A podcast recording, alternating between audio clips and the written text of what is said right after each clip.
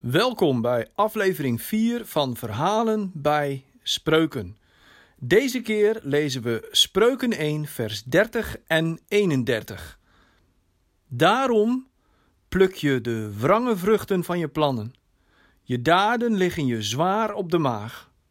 Want wie onnozel is, gaat aan zijn halstarrigheid ten onder.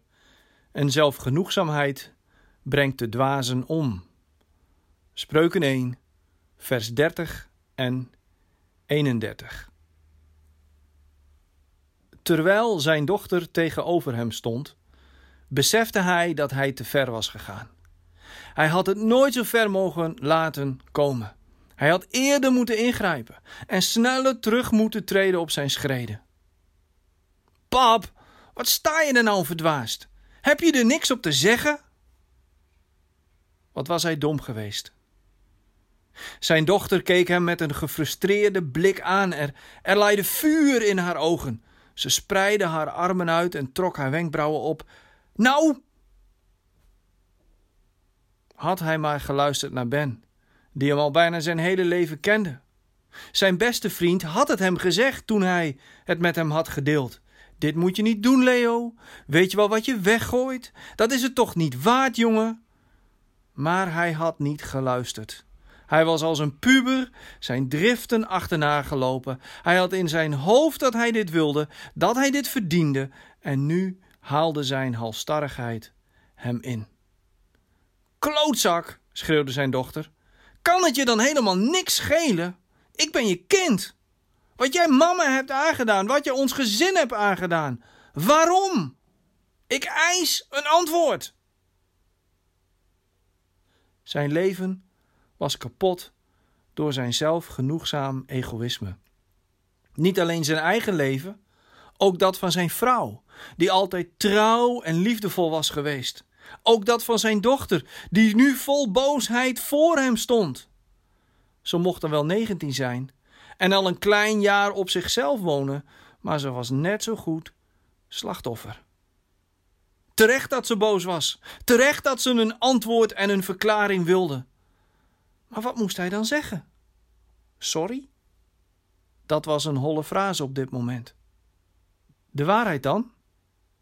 Tja, wat was er anders nu het al zo ver gegaan was? Hij opende zijn mond en begon te spreken. Maria, ik ben dom geweest.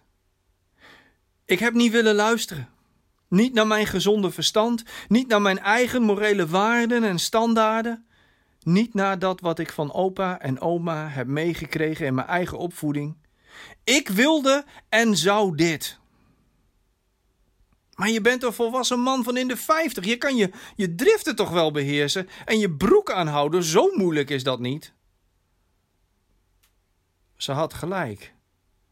Maar onvolwassenheid is niet gebonden aan leeftijd, wist hij. En daar kom jij zelf ook nog wel achter in je eigen leven lieve meid. Ik ga naar mama, zei ze. Ik hoef je voorlopig niet meer te zien. Maria draaide zich om en beende boos de kamer uit. Het duurde niet lang of hij hoorde de voordeur dichtslaan. Daar stond hij, in zijn eentje, middenin een groot leeg huis.